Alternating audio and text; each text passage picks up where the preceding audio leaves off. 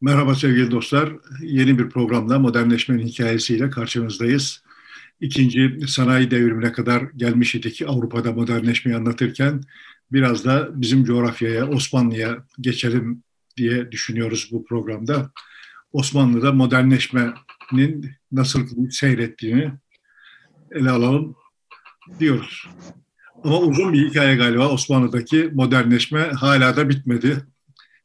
hala da toplumun ikiye bölünmesine neden olan bir unsur gibi duruyor. Evet tabii yani burada şimdi biz 20 tane video yapsak Osmanlı modernleşmesi hakkında söylenmiş olanların bir kısmına, yazılmış olanların bir kısmına bile değinemeyiz. Dolayısıyla öyle bir şey yapmaya teşebbüs etmeyeceğim. Ben hani benim anlattığım modernleşme hikayesi çerçevesinde baktığımız zaman Osmanlı'daki olup bitenleri nasıl görebiliriz? Sizi şöyle bir, bir programda özetleyebilirsem mutlu olacağım yani. Evet. Dolayısıyla şimdi benim anladığım ve anlatmaya çalıştığım modernleşme hikayesini kabaca tekrarlayayım. Modernleşme bir bir tür bir yan ürün. Yani sen otomobil aldığın zaman işte işine, tatile, pikniğe, otomobiline gitmek gibi bir kastın vardır. Veya işte sınıf atlamak etrafındaki insanlarla aynı sınıfa veya onların bir üstüne zıplamak gibi böyle bir kastım vardır da içinden böyle bir şey geliyordur da otomobil alırsın. Ama otomobil aldığın zaman akaryakıt masrafı bütçende bir delik açar. Bunu kastetmezsin yani. Dolayısıyla o birçok şeyi tetikler. Yani işte çocuğunun okul masraflarından gıda masraflarına kadar bir yığın yerden birçok şeyi kesmek zorunda kalırsın. Park yeri problemine sebep olur. O bu olayın yan üründür ve işte sende strese vesaireye sebep olur. Bunlar yan ürünleridir. Sen bunları kastetmezsin yani. Şimdi modernleşme de sonuçta batıda anlatmaya çalıştım ki kendimce batıda ortaya çıkan bir çalkantı sırasında gerçekleşmiş bir yan ürün. Böyle planlanmış, programlanmış birilerinin kastettiği bir şey değil. Aksine herkesin frenlemeye çalıştığı, önlemeye çalıştığı, neredeyse her bütün aktörleri önlemeye çalıştığı bir şey ama gerçekleşmiş olan bir şey. Gerçekleşirken de olağanüstü sancılara yol açmış ve hala sancılara yol açıyor olan bir şey. Yani sadece Türkiye'de biz bugün işte böyle modernlik yüzünden ikiye bölünmüş olarak filan yaşıyor değiliz. Yani Birleşik Devletler'deki işte Kürtaş tartışması da aslında bu çerçeve için oturtulabilir. Modernleşme ve karşıtları çerçevesi için oturtulabilir. Çünkü modernleşme ile birlikte birçok şey oldu ve fakat bunların arasında ikisi çok tayin edici önem taşıyor diye düşünüyorum. Birincisi kadınların özgürleşmesi, ikincisi teşebbüsün özgürleşmesi. Birçok başka şey de oldu ve modernleşme kapsamında konuşuluyor olan o birçok başka şey teknik olarak ama bana öyle geliyor ki esasen modernleşme bir takım çatlaklardan zuhur etmiş bir yan ürün. Modernleşme sürecinde ortaya çıkmış olan diğer her şeyde bir yandan kadının özgürleşmesi, öte yandan da teşebbüsün özgürleşmesinin yan ürünü yani. Yani mesela okullaşma, üniversitelerin bunca yaygınlaşması filan. Evet yani sonuçta bunların hepsi o modelleşme sürecinde belli kesimlerin, güç kazanan kesimlerin bir takım taleplerin artmasının veya daha önce güçlü olan kesimlerin bu güç kazanmış olan kesimlere karşı bir takım mevzileri korumasının araçları olarak hayat hakkı bulmuş olan şeyler şehirleşme böyle bir şey, okullaşma böyle bir şey böyle olarak böyle yorumlanabilir, anlatılabilir. Bunu demeye çalışıyorum.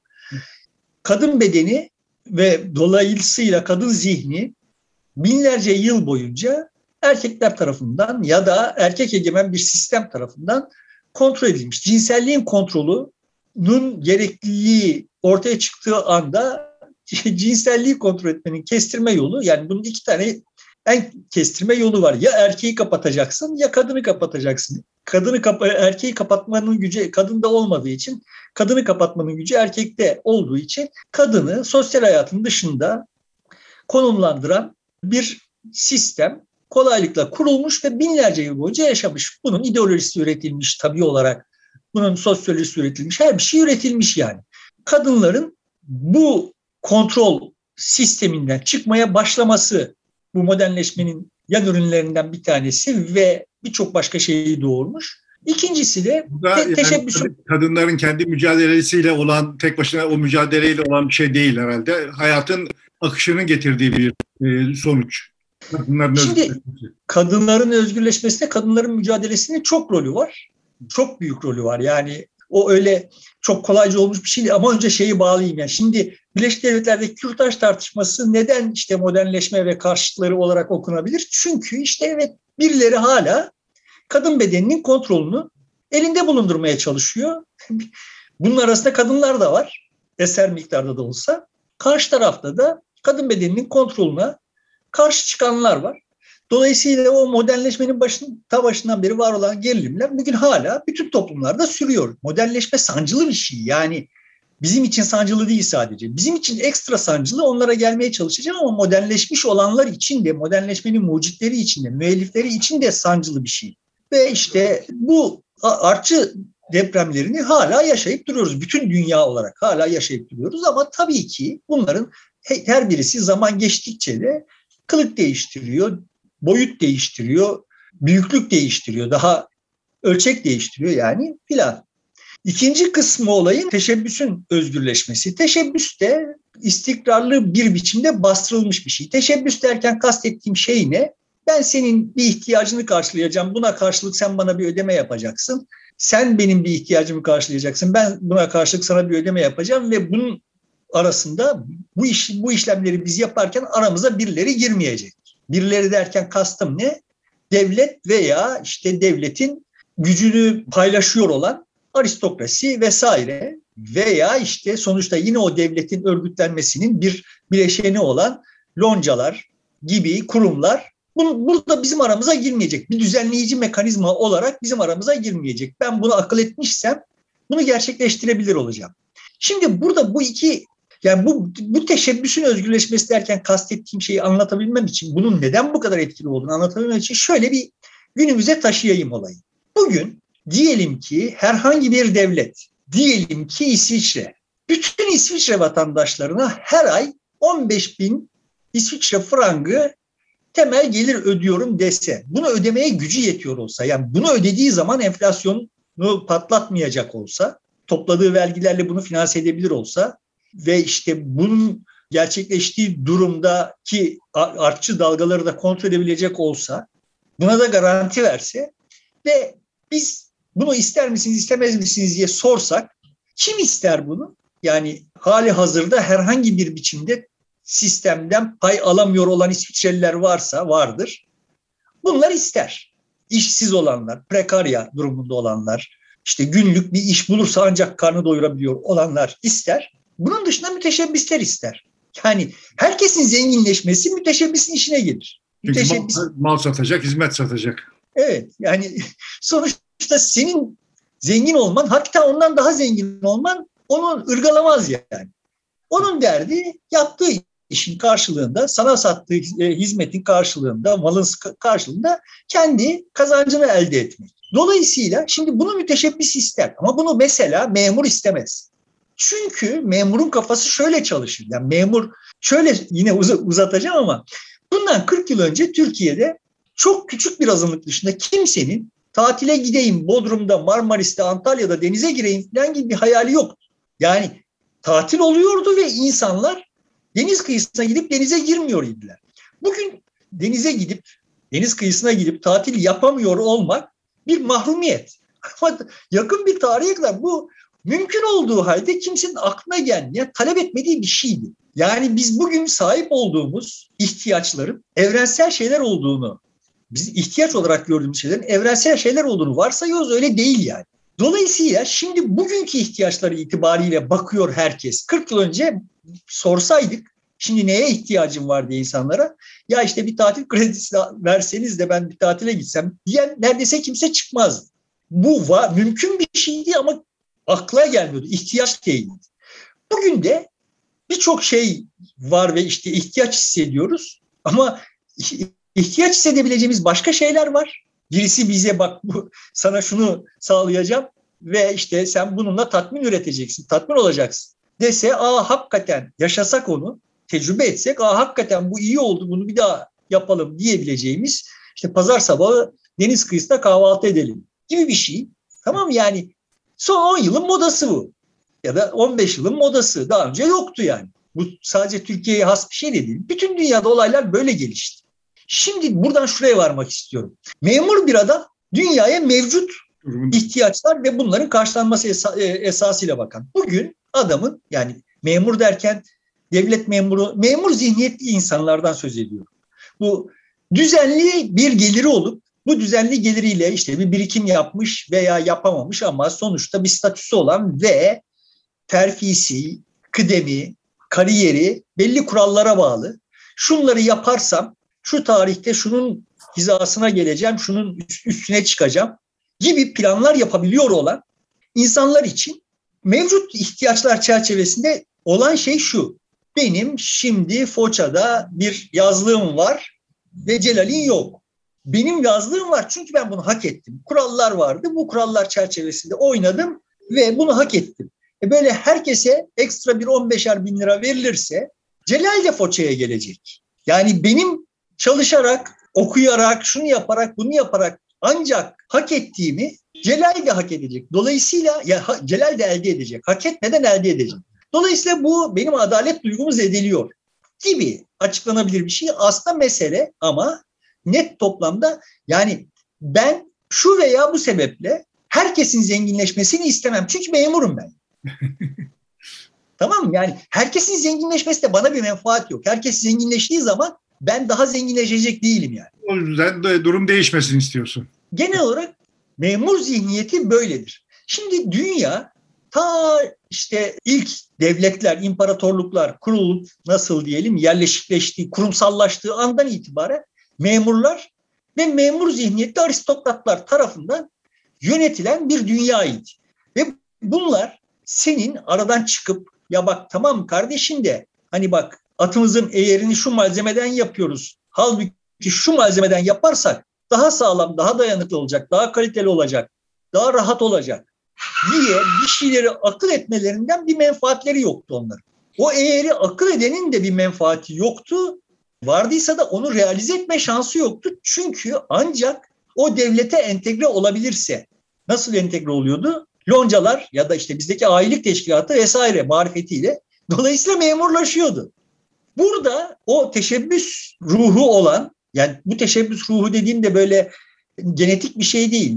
Celal 20 yaşında çok müteşebbis bir ruha sahip olup 35 yaşında memurlaşabilir veya 25 yaşında çok memur iken 30 yaşında 35 yaşında bir fırsat çıkar bir gazetede kendisine memuriyet dışı bir kariyer inşa etme fırsatı doğar birdenbire müteşebbis bir ruha sahip olabilir. Ama son tahlilde sistem sistematik olarak binlerce yıl boyunca bu müteşebbis ruhlu insanları bastırmak konusunda idmanlıydı ve sızdırmaz bir şeydi. 17. yüzyıl sonlarında ve İngiltere'de bu çatladı. Benim anlattığım hikaye böyle bir şey. Çatladı. Çatlayınca müteşebbisler bir manevra alanı buldular ve oradan çıktı. Hayat değişmeye başladı. Yani o müteşebbisler bize daha önce bilmediğimiz, daha önce ihtiyaç olarak görmediğimiz ihtiyaçlar yaratmaya başladılar. Bu süreç içinde işte zenginlik başka kanallardan artmıştı. Yani o müteşebbislerin yapıp ettikleri sayesinde de bir zenginlik arttı ama asıl zenginlik işte başka kanallardan artmıştı. Arttığı için bu sürdürülebilir oldu. Sonra o müteşebbislerin önemli bir bölümü memurlaştı. Bir duraklama oldu. Sonra ikinci sanayi devrimi geldi ve işte orada olay patladı. Yani reel anlamda patladı. Üstüne savaş geldi savaşta bütün kontrol kontrol gücüne sahip olanların bütün kontrol mekanizmaları anlık olarak devre dışı kaldı. Bir yandan kadınlar, bir yandan müteşebbisler kendilerine meydan buldular. Yani bu tamam Birinci Dünya Savaşı'ndaki imparatorlukların tasfiyesi diyebiliriz. Evet. Sonrası. Evet. evet. Onun işte uzantısı olarak ulus devletler, o imparatorlukların tasfiyesiyle ulus devletler bunun bunun yan ürünü olarak o müteşebbislerin iştahlarının yan ürünü olarak ulus devletler ortaya çıktı. Ama yani eğer o müteşebbisler olmasaydı, müteşebbis ruhu serbest kalmış olmasaydı demek istediğim ulus devlet mantıklı bir çözüm olmayacak. Teşebbüs ruhu serbest kalınca onun bir uzantısı olarak, bir byproduct, bir yan ürünü olarak ulus devlet optimum çözüm oldu. Ve işte o arada da dediğim gibi eski güç sahipleri zaten savaşta hepsi aşınmış idiler. Savaş nedeniyle kadınlar iş gücü piyasasına girebilir oldular. Girdiklerinde bunu yaşamış zaten daha öncesinden itibaren hop ne oluyoruz ben de okuyacağım. İşte ben de sosyal hayata karışacağım diye kimi uslu kimi yaramaz çıkışlar yapıyor idiler. Savaş bunları gemlerinden boşandırdı. Ondan sonra da işte değişimin hızı olağanüstü arttı. Bu artan değişimin hızı da herkes rahatsız etti. Herkesi yani. Herkes burada endişe, oradan kazançlı çıkanlar da endişe duydular. Böyle hani çok böyle oralarda böyle baktığın zaman aman ne kadar güzel bizim bizimle kıyaslarsan ne kadar güzel hayatları var filan diye görünen şey içinde yaşarken o kadar güzel görünmüyor. Şöyle örnek vereyim. Yani Türkiye'nin modernleşmesi, Osmanlı'nın modernleşmesini konuşacaksak Osmanlı Avrupa'da bütün bunlar olup bitiyor iken orada neler olup bitiyor olduğunu habersizdi. Buradan şunu söylemeye çalışıyorum. Zaten Avrupalılar da habersizdi. Orada ne mayalanıyor? Yani şimdi süt mayalanıyor da bu peynir mi olacak, yoğurt mu olacak? Ne peynir biliyorsun ne yoğurt biliyorsun yani. Süt değişiyor bunu görüyorsun sadece. Ve buna bir mana veremiyorsun. İçinde yaşarken mana verilemiyor bunlara. Bunların tekrar birkaç kere söyledim. Bütün bunlar hakkındaki bizim bildiğimiz şey ta 19. yüzyılın ikinci yarısında artık olay netleşmiş olduğunda yazılmış olan hikayeler. Olay olup bittikten sonra hikaye yazmak, onu anlatmak daha kolay tabii. Daha yapılabilir bir şey. Hem yapılabilir bir şey hem de yanlış, yalan yanlış yapılmış bir şey. Yani modernleşme hakkında anlatılan hikayenin çoğu da yalan. Ama sonuçta hepsi de sonradan yazılmış. İçinde yaşarken öyle bunların hiçbirisi yoktu bu hikayelerin yani. Dolayısıyla Osmanlı'da orada neler olup bittiğinin bittiğine mana verebilecek durumda değil. Bu böyle hani Allah'ın Osmanlısı işte zaten bunlardan ne beklenir ki hikayesi değil yani. Osmanlı sonuçta işte Karlofça'ya kadar iyi kötü tamam yani biz çok galip idik. 5-0 galip idik. Bizim önümüzde işte diz çöküyor idiler. Ama şimdi biraz pata durum. Yani 3 gol atarsak 3 gol de yiyoruz gibi bir durum vardı. Temaslar zaten son derece sınırlı. Son derece sınırlı yani.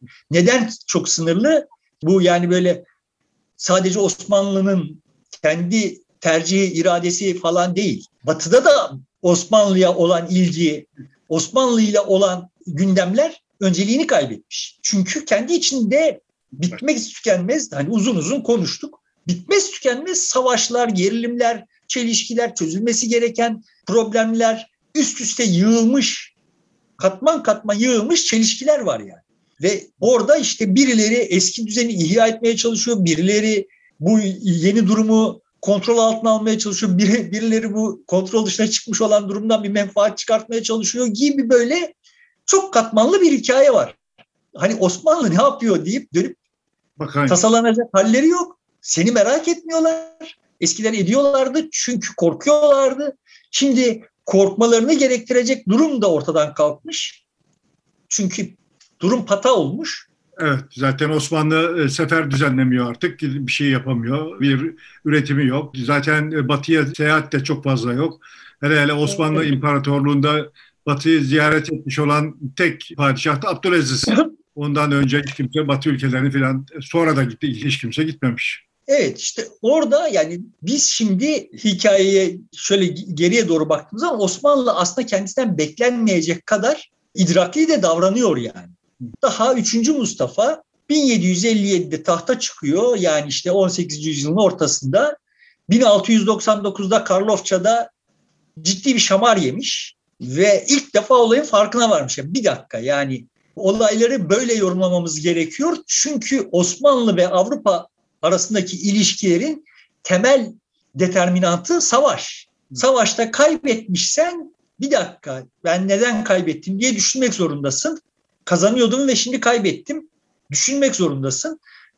işte 1699'da yani oraya kadar işte Mustafa böyle bir iki savaş kazanıyor. Ecdadının yaptıklarını yapmaya hevesleniyor bir aradan sonra şeyden sonra ikinci Viyana muhasarasından sonra sonra işte Karlofça'da bir anlaşma imzalamak zorunda kaldığı zaman bir dakika ne oluyor oluyor yani ve çok kısa bir süre içinde buna çözüm üretmek çabaları başlıyor.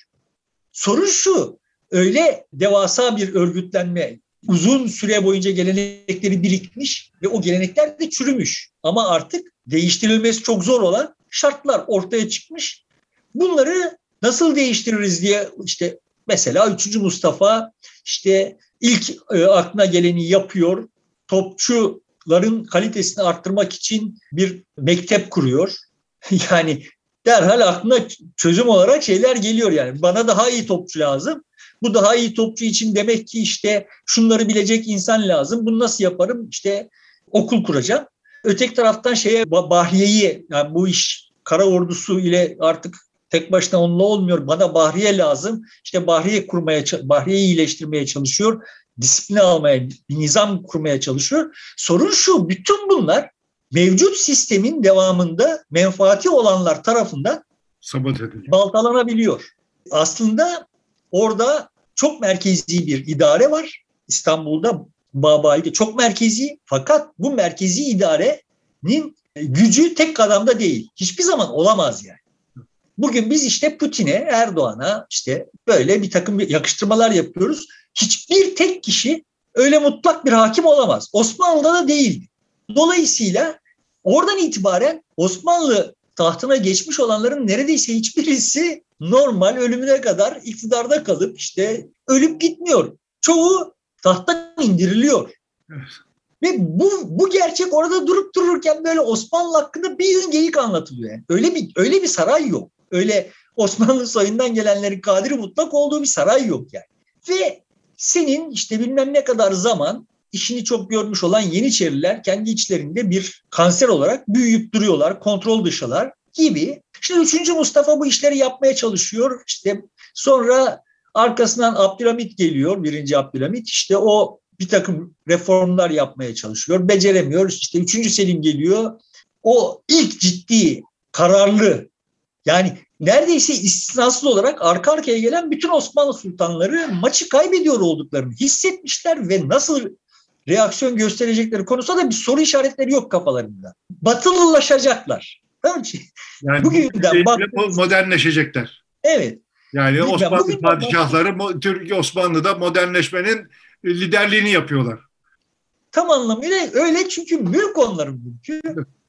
Batıyor olan mülk onların mülkü. Mülkü kaybediyor olanlar onlar yani. Tam da işte o müteşebbis meselesi burada geliyor. Adam o toplumdaki tek müteşebbis o. Kalan herkes memur.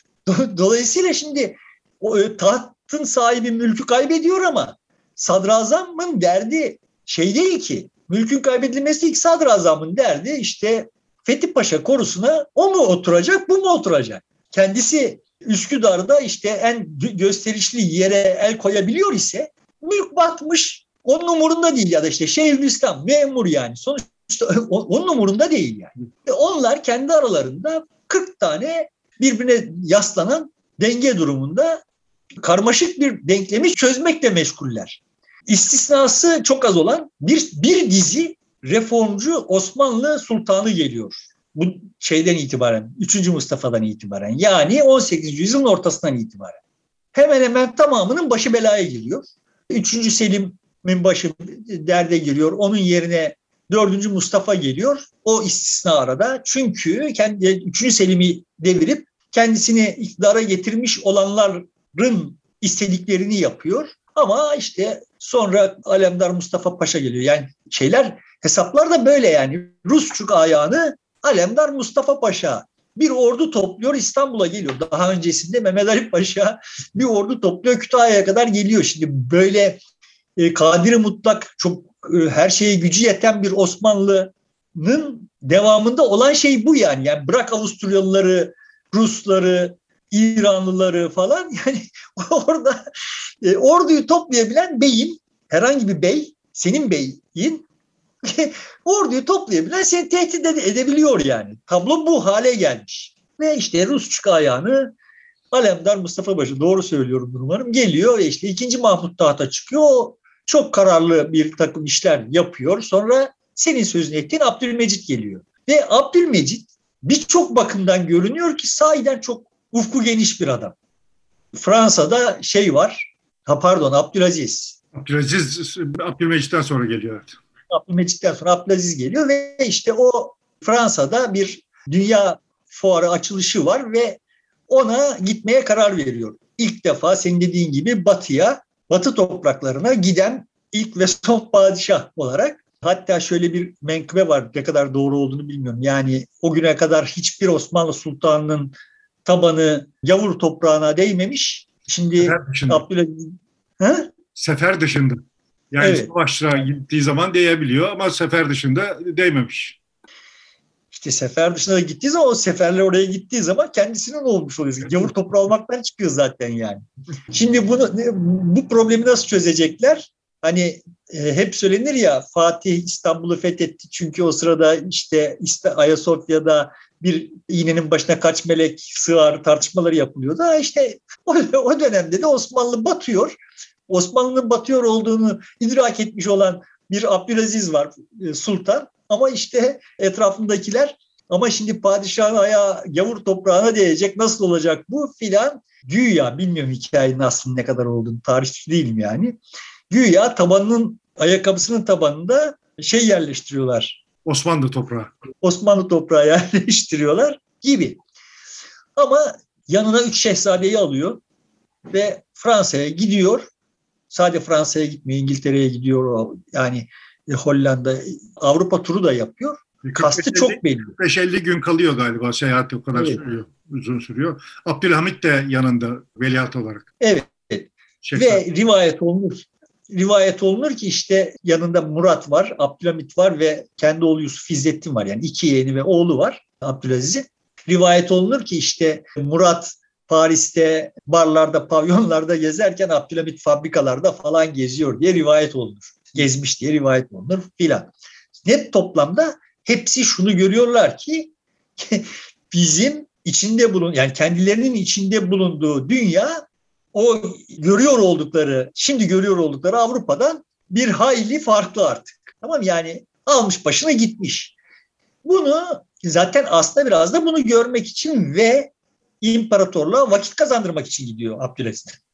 Abdülaziz görünüyor ki çok dirayetli bir adam yani. Bir de oradaki fuarda Türklerin sadece kilimi, halısı falan var. Başka da hiçbir şey yok. E, Diğer ülkelerin bayağı bir üretimi var. Onu da görüyorlar. Evet. Ve yani işte giderkenki dertleri belli, ge- geldiklerindeki dertleri belli. Yani bu işin bir çıkışının bulunması gerekiyor.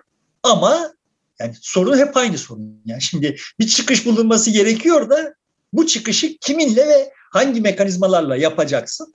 Esas sorun bu. Yani Abdülaziz orada işte Avrupa arenasındaki dengeleri Osmanlı'nın lehine denk getirebilmek için elinden geleni yapıyor. Ve bu çok da yankı yaratıyor. Yani Abdülaziz'in bu seferi çok da yankı yaratıyor Avrupa'da. Yani Osmanlı hakkında eski korku yok artık ama bu e, hikaye, bu eylem sonuçta bir saygınlık tahkimi sağlıyor. Bu arada da hani şey e, aşk hikayesine de girelim yani. Üçüncü Napolyon İmparator Fransa'da karısı Eugenie İmparatoriçe rivayet olunuyor ki işte Abdülaziz ile Eugenie birbirine aşık oluyorlar. Görür görmez ilk bakışta aşık oluyorlar. Buna delil olarak kullanılan şey de şu işte Abdülaziz döndükten iki sene sonra Süveyş kanalı açılacak ve Fransa'yı temsilen Süveyş kanalının açılışına Eugenie gidiyor ama açılıştan önce İstanbul'a uğruyor. İstanbul'da Beylerbeyi Sarayı'nı ona tahsis ediyor şey Abdülaziz ve orada bir gece geçirdiklerine dair bizim değil yani. Kadının aslı İspanyol. İspanyolların böyle bir iddiası var. Kadın hatıratında da Abdülaziz'den çok övgüyle söz ediyor. Sonra kadın çok ileride yani kocası ile birlikte İngiltere'ye sürgüne gidiyoruz. Kocası öldükten sonra İspanya'ya yerleşiyor. Çok ileri yaşında bir kere daha İstanbul'a geliyor kadın. Ve geldiğinde de şeyin Abdülaziz'in oğlu Yusuf İzzettin'i görmek istiyor yani. Bunlardan yola çıkarak böyle bir hikaye anlatılıyor. Şimdi işin siyasi boyutu bu. Ama toplumsal boyutuna bakalım. Net toplamda aslında arada açılmış olan fark bir üretim farkı. Bu üretimin üretim farkının açılmasını sağlayan temel şeyler arasında ne var? Tarımda verimlilik yükselmiş, nüfus aşırı artmış Avrupa'da. Dolayısıyla şehirleşme çok ciddi vites büyütmüş gibi böyle yan ürünleri olmuş hadisenin ve dolayısıyla o serbest kalan teşebbüs o şehirli ahalinin ihtiyaçlarını karşılamak üzerinden artık servet biriktirmeye başlamış. Tırnak içinde kapitalizm doğmaya başlamış. Şimdi bu durumdaki Avrupa, yani böyle olduğunu söylediğimiz Avrupa'da bütün bu hikayede adından söz ettiğimiz kesimler toplamın yüzde kaçı? 35'i, 40'ı. Osmanlı'da bunun muadili ne kadar? Yüzde beş. Ve o yüzde beşin de neredeyse tamamı memur. Devlet memuru yani. Yani şehirler hala çok zayıf. Hatta o berbat 17. yüzyıl, bütün dünyayı sarsan 17. yüzyıl ve işte 18. yüzyıl yenilgileri vesaire sebebiyle şehirler iyi, daha da zayıflamış Osmanlı topraklarında. Nüfus zayıf. Dolayısıyla teşebbüsün de bir e, rolü olmadığı için, gücü olmadığı için teşebbüs yok, üretim yok. Osmanlı topraklarında kırsalda yaşayan işte karnını ancak doyurabilecek kadar üretim yapabiliyor olan, kendisinden istenen vergiyi vergi oranı çok düşük kalmak zorunda olan bugünkü durumun başlangıcı olarak değerlendir. Yani sen işte bir araba buğday üretebiliyorsun. Bunun onda dokuzu zaten sana lazım. Gelecek senenin tohumlu olarak veya bu sene karnını doyurabilmen için. Dolayısıyla bunun onda birini vergi olarak alabiliyor devlet. Halbuki aynı şartlardaki Avrupa'da adam iki araba üretiyor. Bir araba ona yetiyor ve Osmanlı'dan daha zengin yaşıyor Osmanlı'daki muadilinden. Ve bir arabayı da devlet ve işte müteşebbis bir şeyler satarak bir arabayı da onlar ele geçiriyorlar. Dolayısıyla esas mesele tarımda çalışan nüfus meselesi değil. O tarımda çalışan nüfusun verimliliği meselesi. Senin verimliliğin düşük. Her sebeple düşük yani. Dolayısıyla da şimdi bu verim düşüklüğü nedeniyle arada bir fark açılmış. Bütün bunların adını koyabilecek durumda değil Osmanlı. Tekrar söylüyorum Avrupa'da bunun adını koyabilmiş durumda değil. Dolayısıyla aradaki fark yani scoreboard'daki fark orduların arasındaki güç farkıyla okunuyor. Ve Osmanlı'da ağırlıklı olarak ordular arasındaki güç farkını kapatmak için ilk hamleleri yapmış ama akabinde yine benim açımdan çok şaşırtıcı bir biçimde toplumu güçlendirmek gerektiğini fark etmişler ve bu toplumu güçlendirmek için işte mektepler açılmaya başlamış, iyi kötü filan bu mekteplerin müfredatı elden geçmeye başlamış. Ama hep bir takım dirençlerle karşılaşmış. Bunlar Avrupa'da da hep dirençlerle karşılaştı. Yani Avrupa'da da seküler eğitim sonra mecburi eğitim haline gelirken yani her her safhada çok güçlü dirençlerle karşılaştı. Hem kilisenin direnciyle hem sosyal dirençlerle. Yani insanlar çocuklarını okula yollamak istemediler yani. Yani sıradan insanların çoğu çocuklarını okula yollamak istemediler. Bunlar olağan şeyler. Bunlar olmamış gibi okursak hikayeyi çok yanlış bir hikaye çıkıyor ortaya. Böyle orada işte böyle saksıda büyütülmüş, özenle büyütülmüş, planlanmış, tasarlanmış bir çiçek ve işte bizi süslemiş gibi okunuyor. Öyle olmadı yani. Kavga dövüş oldu bütün bunlar. Şimdi bu Osmanlı toplumu nasıl bir toplum? Yani yüzde doksanı kırsalda yaşayan, boğaz topluma yaşayan, bunların düzenleri hakkında mütemadiyen bir takım düzenlemeler yapılan, yani bak biz bunlara çok aşırı vergi yüklediğimiz için sıkıntıya giriyoruz, o vergiyi düşürelim, işte gayrimüslimlerin de işte şartlarını biraz daha iyileştirelim gibi şeyler de oluyor bu arada. Yani topluma yönelik iyileştirici bir takım çabalar da var o dönem içinde. Ama işte bir hadise oluyor. Ruslar bir saldırıyor. Hazine şu kadar açık veriyor. Tabiatıyla yeniden topluma rücu ediliyor. Ama bu arada İstanbul'da da başka bir dünya kuruluyor. Zaten kurulmuş. İçine kapalı bir dünya. Ta Lale devrinde kurulmuş kendi müzik anlayışın, kendi giyim anlayışın, kendi sosyal ilişkilerin çerçevesinde bir dünya o. Ama işte Kırım Savaşı'ndan sonra o dünya yani o dünyanın kalıntıları, Lale Devri falan kalmamış artık ama o dünyanın kalıntıları ağırlıklı olarak Avrupalılara değiyor. Osmanlı İstanbul tebaasının kaymak tabakası şeye değmeye başlıyor. Yine Öjeni'ye dönelim. Öjeni mesela Mesela Osmanlı'da İstanbul'un dışında böyle batıyla e, temas kurabilecek şehrin kendi içerisinde gelişmiş bir nüfus olan yerler var mı? İzmir mesela bunlardan birisi İzmir olabilir ya da Selanik olabilir. İzmir kısmen ve en çok Selanik. Bu anlamda şey yani. Batıyla teması olan, giderek artacak olan. Çünkü ikisinde de ciddi gayrimüslim nüfus var ve gayrimüslim nüfusun Avrupa'daki muadilleriyle ilişkileri ta o zamandan şey başlıyor. Yani Türkiye'de Avrupa'nın distribütörlüğü hikayesi başlıyor. Bu distribütörlük hikayesinde de gayrimüslimler Müslüman nüfusa kıyasla daha avantajlılar. Hem etnik olarak, dil olarak vesaire hem de zaten kanunen Türk tebaanın ticaret yapması falan çok hoş karşılanan şeyler değil. Gelenekler itibariyle. Dolayısıyla bu alanlar gayrimüslim tebaanın elinde kalıyor. Dolayısıyla da evet İstanbul, İzmir, Selanik gibi yerlerde yani aslında daha e, güneyde e, Devediş gibi işte Halepler şunlar bunlar var ama onların batıyla temasları bu, bu şehirlere kıyasla daha zayıf. Onlar Beyrut işte, olabilir sadece orada. Mısır'la e, ve işte İran'la temasları daha yoğun.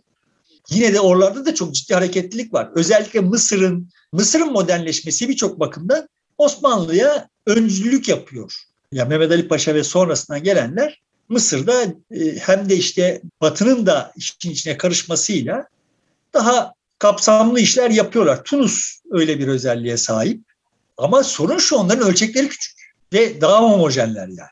Şimdi bu toplum nasıl bir toplum? O işte e, Avrupalılara değdiğinde şimdi yine Öjen'den örnek vereyim. Yani Öjen'i geldiğinde Beylerbeyi Sarayı'nda ağırlıyor ve bir resmi geçit akıl ediliyor. Said Paşa böyle bir akıl veriliyor. Said Paşa da bunu benimsiyor. İlk, ilk resmi geçit yapılıyor yani. Öjen'iye resmi geçit yapılıyor. O resmi geçitte davetli olanlar böyle işte şimdi Cumhurbaşkanı'nın bilmem hangi uçağında davetli olanlar gibi böyle büyük bir e, imtiyaz olarak görüyorlar bunu gibi. Bu arada işte Öjeni'yi sarayda hamama sokuyorlar, hamamda yıkıyorlar. Bir, e, bir kadın var. O Öjeni hakkında bir dedikodu yayıyor ortaya işte cildinin güzelliği hakkında gibi böyle. Bu herkes de zaten çok güzel bir kadın e, görmeye koşullu, koşullan, koşullanmış yani. Böyle hani başı açık işte efendim her ne kadar çok edepli bir kıyafeti olsa da yani bir Avrupalı bir kadın görülecek. Görüyorlar ve herkes hayran oluyor. Herkes aşık oluyor. Kadın mavi kıyafetlerle geziyor. Bütün İstanbul gezisi boyunca giydiği hemen her şey mavi tonlarında. mavi o sene şeyde moda oluyor İstanbul'da kadınlar arasında. Herkes mavi giyinmeye başlıyor. Şimdi bunu niye bu bu teferruatı niye vereyim? Bak olaylar böyle olur. Tas tamam bu yani orada bir şey görürsün, bir ona mana yakıştırırsın. Senin kendi davranışını onunla senkronize etmeye çalışırsın. Vay bu batılı da bu Fransız da ben de frankofon oluyorum filan gibi akıllar yürütmesin. Ama dışarıdan birileri seni gördüğü zaman e işte bu batılı işte bu kültürel olarak şey olmuş, deforme olmuş filan diye masallar anlatır. Ve bu sadece bizimle ilgili bir şey Her yerde hep olmuş bir şey. Kahve ta 6. yüzyılda işte Osmanlı'nın uçlarında Sufilerin gece ibadet etmelerini e, ederken zinde olmalarını sağladıklarını keşfettikleri için çok sevdikleri bir içecek. Ve ta ancak 15. yüzyıl civarında yanlış hatırlamıyorsam İstanbul'a geliyor. İstanbul'a geliyor böyle gavurdan gelmiyor yani. Müslüman topraklar kendi topraklarından geliyor. Ama kahvenin yaygınlaşmasının üzerine İstanbul'da kıyamet kopuyor. Şeyhülislam fetva veriyor kahve haramdır diye. Alkollü bir içki eşdeğerdir diye Şeyhülislam fetva Ebu Suud'un bu konuda fetvası var yani. Ta ne, neden sonra kahvenin alkollü olmadığı ve haram olmadığına dair başka bir fetva çıkacak çok uzun süre sonra. Bu topluma dışarıdan alışkanlıklarına bir yani yabancı bir şey geldiği zaman bütün toplumlar öyle veya böyle bu reaksiyonları geliştirirler yani. Şimdi bu kahve Osmanlı'dan, Osmanlı'da böyle karşılanmış olan kahve. Osmanlı'dan batıya gittiği zaman Papa mesela Papa'ya müracaat ediliyor kahveyi yasaklaması için. Papa içiyor, bakıyor, beğeniyor. Diyor ki bunu Müslümanlara bırakmayalım bu kahve. Papa beğenmese çünkü yani birçok yerde kahve üzerinden bu kahvenin doğulu Türk olması üzerinden bir karşıtlık üretiliyor. Yani sen burada nasıl öjeninin mavisine reaksiyon üretiyorsan o da kahveye reaksiyon üretiyor. Bu evrensel bir şey. Ya bunlar olmasın. Olmasa ne güzel olacak tabii ki. Ama bunlar hep olur ya. Ve çok daha küçük ölçeklerde de olur. Yani Eskişehir'de Bursalı bir şey, Bursa'da Eskişehirli bir şeyi, Eskişehir'e atfedilmiş bir şeyi yani kolay kolay kabul ettiremezsin. Oyunun kuralı budur yani. Şimdi bu kahvenin hikayesini de kapatalım. Yani son tahlilde kahvehanelerle kahveyle mücadele nispi olarak yumuşadıktan sonra bile kahvehanelerle mücadele devam ediyor ve bu yine evrensel. Yani Osmanlı'da kahvehanelerle sistematik olarak periyodik belli aralıklarla devlet mücadele ediyor. Neden? Çünkü kahvehaneler siyasi muhalefetin odağı haline geliyorlar. Bu kahveden kaynaklanmıyor. Kahvenin yan ürünü. Yani kahve bir biçimde kahvehane kültürü gibi bir şeyin ortaya çıkmasına yol açıyor. Yani daha stabil sosyal yapılar çıkarıyor.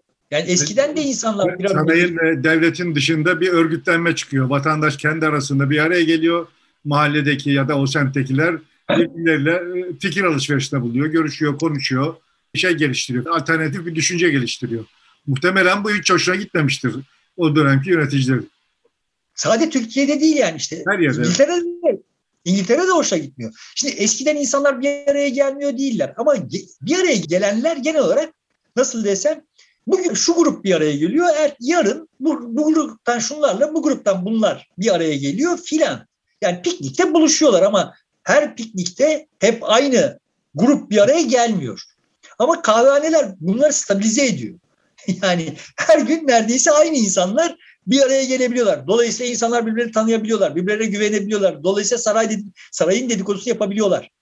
Dolayısıyla dediğin gibi bu iktidarın işine gelmiyor. Bu zaten Osmanlı'da da aydınlar, işte gazeteciler e, bir yerlerde toplanıyorlar. Bazıları işte filan yerde, bazıları bir başka yerde müdavimler olarak orada sürekli bir araya geliyorlar ve orada her türlü fikri kaynatıyorlardır. Tabii öyle oluyor yani. Sonuçta işte o insanlar birbirlerine gaz veriyorlar. Birbirlerinin fikirlerinden fikir fikir çoğaltıyorlar gibi. Sonuçta kahvehaneler böyle bir sonuca ulaştığı için her gittikleri yerde ilk anda bir kültürel reaksiyonla ikinci elde de bir siyasal reaksiyonla karşılaşıyorlar. Tekrar demiş oldum yani. Bu modernleşme sürecinde süreci aslında daha önceki birçok değişim sürecine benzer. Yani bu, bu kültürel alışveriş sürecine benzer bir dinamiği yaşıyor ama hepsi sancılı. Hiçbirisi böyle. Şimdi bugün Starbucks'lar şunlar bunlar her yerde çeşit çeşit kahve markaları görüyorsun ve işte kahvenin ne kadar yaygınlaştığının falan farkındasın. Bu, bu olay öyle olma yani o kadar kolay olmadı yani. O işte bugünkü sonucuna bakıyoruz da olay o yolda yürürken çok e, sarsıntılı bir yolculuk oldu. Ve, Star, Starbucks'lar falan böyle insanların aynı insanların oturup toplandığı yerler değil. Bugün sen geliyorsun, ertesi gün bir başkası geliyor. Oradan kahve alıp gidiyor yani. Hayır, kahvenin yolculuğu anlamında söylüyorum. Evet. Kahve bu, şimdi bugün çok kabul görmüş bir şey. Evet, evet, ama yani bu hale gelene kadar böyle çok sancılı işler oldu. Bütün toplumlarda oldu. Sade bizde olmadı. Biz böyle bağnaz, yobaz, işte bir, bir şey filan böyle işte abluk inançları olan toplum filan halbuki işte Avrupalılar ne kadar açık fikir öyle olmadı yani. Kahve, kahveyle bizim dövüştüğümüz kadar dövüştüler. Şimdi daha önce böyle stabil sosyal organizasyonlar yok muydu? Vardı. Neydi? Meyhanelerdi. Şimdi meyhanenin kahveyle farkı şu, meyhanede uyuşuyorsun. Oradaki muhalefetten kimsenin korkmasına gerek yok. Kahvehanede uyarılıyorsun. Ve orada yani uyanıksın yani. Dolayısıyla tehditsin. Ve iktidarlar yeterince güçlü oldukları için de her buldukları fırsatta buraların tepesine binmiş durumdalar. Osmanlı'nın kaymak tabakası bu. Bu kaymak tabakanın altında yani böyle işte Öjeni'yi görüp özenip Öjeni'yi görebilecek kadar olanlar var. Onu görüp özenebilecek olanlar var. Onu taklit edebilecek olanlar var filan. Ama e, hemen onların altında İstanbul'da sefil, olağanüstü sefil şartlarda yaşayan birçok insan var. Avrupalı seyyahların İstanbul hakkındaki hemen hemen bütün yazıp çizdikleri şöyle bir rota izliyor. İstanbul'a ilk girişlerinde büyüleniyorlar. Yani gerçekten kendi ülkelerindeki bütün şehirlerle kıyaslanmayacak kadar güzel bir yere geldikleri intibaıyla İstanbul'a iniyorlar. Çok kısa bir süre sonra şu sonuca varıyor. Yani Türkler evlerinin dış görünüşüne hiç özen göstermiyorlar. Çok sefil, pespaye, sokaklar rezil. Yani çoğunda e, taş yok. Taş bile döşenmemiş, çamur. Taş döşenenler de çok özensiz gibi gibi. Ama evlerinin içi en yoksul ailelerde bile. Evlerin içi çok özenli. Bu açıklamaya muhtaç bir şey. Ama bu konuda biraz böyle hani bir şeyleri doğru dürüst yapma konusunda bir irade her sergilendiğinde sofular buna karşı çıkmışlar. Onda not düşmemiz gerekiyor. Yani organize bir ulema var memur yani. Dönüp dolaşıp ben bunları söylerken ben bu memurum yani. yani memurlar hakkında bir olumsuz bir kanaat uyandırıyor ise bu olumluluk olumsuzluk ayrı bahis de ama eğer birilerinde böyle bir intiba yok ben, ben, ben memurların tarafından olarak bunları söylüyorum. Sonuçta ulema memur. Bir şey bir biçimde işte öyle çok e, çevreye özen gösterilmesini işte öbür dünyaya bu dünyanın cennet haline getirilmesi çabasının öbür dünyaya ilgiyi azaltacağı gibi gerekçelerle bu dünyayı geçici dünyanın geçiciliği üzerinden bir ideolojik şeyle buna direniyor yani. Ama insanlar evlerin içini dediğim gibi son derece özenli tutuyorlar. Temiz ve özenli tutuyorlar. Bu temizlik açısından da olay böyle. Yani İstanbul'un orta ve üst sınıfı haftada üç kere hamama gidiyor, yıkanıyor. Ve bu Avrupa'dan gelmiş olanları çok şaşırtıyor yani. Yani bu yanlış bir şey olarak görüyorlar. Bu batılılaşma döneminde ama yani 19. yüzyıldan yani batılılara çok ciddi temas edildiği andan itibaren üst sınıf kendi evlerinin kalitesini yükseltecek işler de yapıyor. Bu da muhtemelen işte zaten zaten ekonomik çöküntü içindeki devletin kaynak tahsisinde bir yanlışlığa yol açıyor. Yani üretimi artıracak yerlere gidebilecek bugünkü yaşadığımız gibi yani. Üretimi artıracak yerlere gidebilecek olan kaynaklar işte köprülere, yani bayındırlık hizmetlerine gidiyor ya şimdi. Hani bunların yine bir ama şu üretimi artırabilir, şu verimi artırabilir diye meşrulaştırabilirsin ama işte o dönemde konaklara gidiyor, saraylara gidiyor. Saltanatın kendisi için yaptığı saraylar benim kendi hesabıma bakarak öyle Osmanlı'nın iflasına gerekçe olacak kadar büyük şeyler değil. Gerçekten de bir devletin, o ölçekte bir devletin bürokrasisinin çalışabileceği yerler olmaktan çıkmış. O yeterli olmaktan çıkmış yani saraylar. Dolayısıyla yeni bir şeylerin yapılması gerekiyor. Yeni anlayışla yeni bir şeylerin yapılması gerekiyor. O iyi kötü bir zaruret ve onlar diğer devleti soyanların memurlarının yapıp ettikleri gösterişli saraylarla mukayese edildiğinde teva, mütevazı bile kalır yani. Saltanatın sarayları böyle işte bahçeler Avrupa'da görülmüş bahçelerin benzerleri yapılıyor gibi gibi böyle çok şatafatlı bir hayat tarzı İstanbul'a giriyor. Dolayısıyla e, şey arasında tabanla tavan arasındaki fark olağanüstü büyüyor. Bu nasıl gerçekleşiyor? Çünkü Osmanlı'da memurlar her bir işi rüşvetle yapıyorlar. Her şey belli makamlar da rüşvetle satılıyor. Buradan şimdi zıplayalım biz. Hani halkın ne kadar tuhaf inançları olduğu, nasıl acayip hayat anlayışları olduğu işte gibi şeyleri de efendim neler oynuyorlardı, nasıl evleniyorlardı, nasıl çocuk büyütüyorlardıları da falan atlayalım, zıplayalım. Çünkü onlar da çok uzun süredir hiç değişmemişler ve o o dönemdeki birçok hastalığa nasıl müdahale edildiğinden, nasıl evlenildiğine kadar birçok şey bugün hala Anadolu'nun belli yerlerinde yaşıyor nitekim. Yani çok şeyde kalmış olma, olsa da, gölgede kalmış olsa da artık. Onları zıplayalım. Şimdi biz yine siyasi tarafına dönelim işine. Sonuçta Abdülhamit geliyor.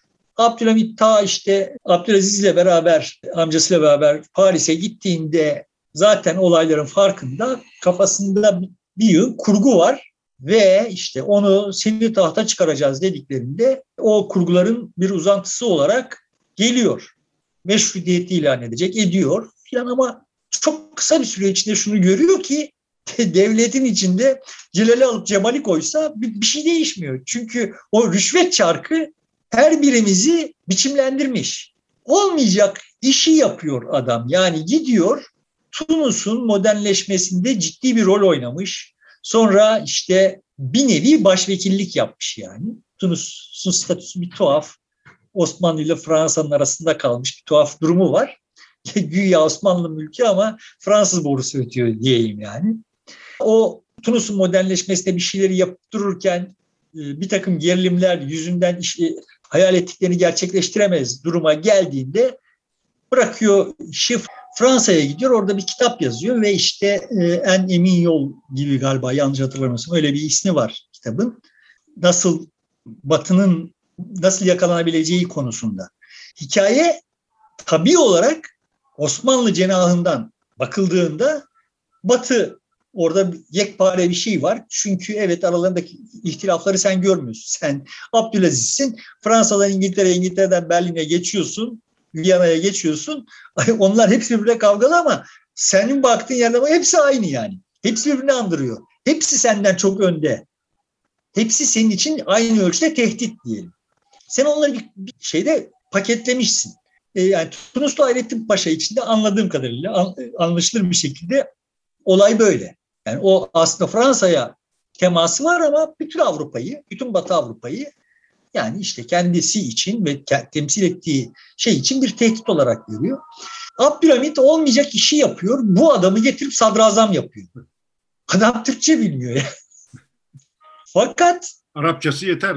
Abdülhamit de öyle düşünüyor. Sorun şu. Bu sefer devletin kadrolarındaki o işte güya mektepli işte o böyle bürokraside yükselmiş olanlar da Arapça bilmiyorlarmış. Abdülhamit orada öğreniyor yani adamların Arapça bilmediğini adamı getirdiği zaman öğreniyor. Yani elindeki kadro devlet o kadar çürümüş ki yani elindeki kadro onu getirip bunu götürsen değişmiyor ve ne yapmaya çalışırsan çalış bir yerden elinde kalıyor. Yani bir, üç adımı doğru atsan dördüncü adımda ayağın çukura giriyor. Bu şartlar altında... Bir yandan da Abdülhamit ne kadar entelektüel aydın insan varsa onlarla da uğraşıyor. Onları da yanaştırmıyor yanında. İşte, işte orada ben hani Abdülhamitçi falan değilim de Abdülhamid'in yaptıkları, yaptığı birçok şeyi de çok gereksiz görmüyorum. Yani son tahlilde düşün işte yani o entelektüel aydın dediklerim Enver Talat Cemal. Yani fütursuzca imparatorluğu savaşa sokan insan. Yani sadece bunlardan söz etmiyoruz da anladığım kadarıyla o Jön Türkler işte filan böyle olmayacak hayaller kuruyorlar. Çok kestirmeden yani çok ucuza problemlerin çözülebilir olduğu zannıyla bir şeylere müdahale edilmesi gerektiğini düşünüyorlar. Abdülhamit oyunun olayın başında tırnak içinde tek müteşebbis olduğu için olayın o kadar kolay olmadığını biliyor yani. Ve bir fren vazifesi görmesi gerekiyor. O fren vazifesi görünce hakkında ki olumsuzluk, olumsuz kanaat yükseliyor. E, bilmem kaç imparator, bilmem kaç padişah üst üste halledilmiş.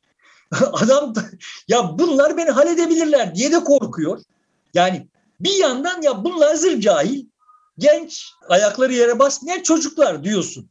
Yani devlet bunlara bırakılamaz diyorsun bir yandan. Ama bir yandan da şunu da biliyorsun. Bunlar organize olurlarsa benim başıma çorap örebilirlerdi. Dolayısıyla şimdi bana çok anlaşılmaz gelmiyor yani Abdülhamit'in yapı etikleri. Tabii ki meşru ya da yani nasıl diyeyim, onaylayabileceğim bir şey değil. Ama demeye çalıştığım şey şu. O kadar çürümüş olan bir devletin ayakta tutulması zaten imkansız. Adam bir savaşın yenilgisinin, yıkıntısının üzerine gelmiş ve etrafında böyle bir yıl hayalperest var o hayalperestlerin arasından bir yol bulmaya çalışıyor. İşte dediğim gibi yani Tunus'tan adam ithal ediyor. Yani o da ciddi ciddi. Aslında e, bu kadar zayıflamış, çür, içinden çürümüş olan bir devlette, otoritede aşağıdan çok çattan çıkması ve yol alması beklenir. Tıpkı İngiltere'de olduğu gibi. Ama Osmanlı'da böyle olmuyor olay. İngiltere'de olan olay onlarca yıllara sari. Yani Abdülhamit'in yani o Tunuslu Hayrettin'in filan şeyiyle böyle o politikalarla bir yüz yılı olsa belki bir, bir düze çıkacak yani. Ama öyle bir zaman yok yani. Dünyanın alt üst olduğu bir tarih ve yani yine de her şeye rağmen bir Dünya Savaşı çıkmasa, çıkmaması imkansızdı da ama çıkmasa belki de hani oradan bir şeyler toparlanabilecek, bir, şey, bir takım düzenler kurulabilecekti. Yani çünkü evet çok ciddi bir entelektüel çaba harcanmış. Abdülhamit de bütün entelektüellerle papaz olmuyor yani. Aklı başında böyle hani şeyin işin ciddiyetinin farkında olan bu problemin kestirme bir çözümü olmayan birçok insanla iş tutuyor. Tabii o kadar Ama, okutmuş olması, demir yollarını geliştirmiş olması falan bunlar önemli şeyler. Yani işte zaman yani benim açımdan Abdülhamit'in yaptıklarının işte en tayin edici olan şey o savaşın yıkıntılarının akabinde Balkanlardan ve Kafkaslardan gelenleri Anadolu'ya iskan etmesi. Çünkü nüfus çok azalmış. Yani bir takım rakamlara göre iki buçuk milyona düşmüş yani Anadolu'nun nüfusu. Yani Anadolu nüfusu Türkler Anadolu'ya girdi denen tarihte 10 milyon. 1071'de 10 milyon yani. 1900'de iki buçuk milyona düşmüş. Hadi iki buçuk milyon abartılı bir tahmin diyelim. 4 milyona düşmüş. Aslında artmış olması gerekiyor. Yani dünyanın nüfusu bilmem kaç katı artmış yani o arada. Şimdi nüfus bugün de önemli bir faktör ama o gün için en önemli faktörlerden bir tanesi. Dolayısıyla bana öyle geliyor ki Abdülhamit'in o iskan politikası, orada iskan politikası beraber mülk yani mülk sahibi yapmak, riayayı mülk sahibi yapmak için de bir takım düzenlemeler yapılıyor. O politika sayesinde milli mücadele mümkün oluyor yani. Yani adam bir anlamda bende bıraktığı intiba şu yani. Yani biz batmışız ve bunun son tahlilde korunabilir olan Anadolu yani. Elimizde kalabilir olan yer Anadolu. Biz hani Balkanlarda bu maçı kaybettik. Hicaz'da kaybettik. Son tahlilde bizim elimize kalabilen yer Anadolu. Muhtemelen o Anadolu dediği şeyin kafasında içinde Musul, Kerkük falan da var. Çünkü işte o petrollere şahsi yatırım da yapıyor filan. Dolayısıyla şimdi nihai hesaplaşma burada yapılacak. Ben buraya işte mekteplerle insan yetiştireyim. Bu işe vaziyet edecek insan yetiştireyim. Demiryolu döşeyeyim. Lojistiği sağlayayım ve nüfusu yerleştireyim. Yani ben görürüm görmem ama son hesaplaşma burada olacak. Demiş gibi geliyor bana. Bende bıraktığı intiba. Yani bir yerden okuduğum falan bir şey. Adam politikalarına baktığım zaman gördüğüm şey bu. Bayağı bir uz görüşlü biriymiş gibi görünüyor. Son tahlilde yani Abdülhamit'in metodu metot değil. Oradan bir şey çıkmıyor, çıkmayacak da çıkmadı. İşte ama akabinde onu devirenlerin hakikaten ayaklarının yere basmadığını da görmüş olduk filan. Şimdi asıl hikayeyi özetleyeyim. Biz dünyadan ciddi ölçüde e, soyutlanmış bir haldeyken temas arttıkça bizde de kadınlar artık bu eski binlerce yıllık şeye razı değiliz demeye başladılar.